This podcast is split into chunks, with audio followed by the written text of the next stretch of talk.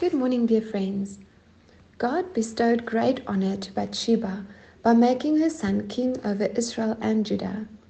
He also brought honor to her descendants by including them in the genealogy of Jesus Christ.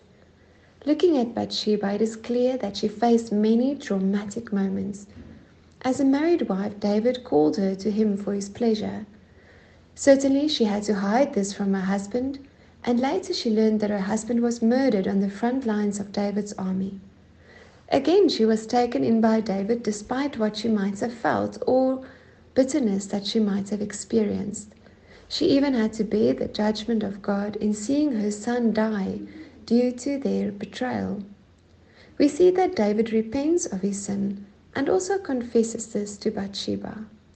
There's not much said about Bathsheba's feelings or experiences but we do see how both David and God restores her honor.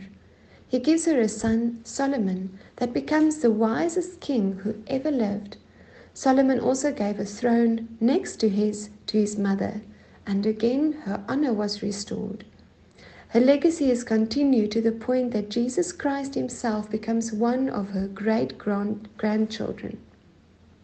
God's promise that he will restore us and give us a future which is far better than what we could attain. Stand fast. God fights for each of us, and when we submit ourselves to God, He can let His master plans for our lives be fulfilled.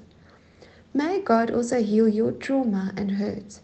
May He restore your honor and place you on a path that is better than what you could ever have dreamed of.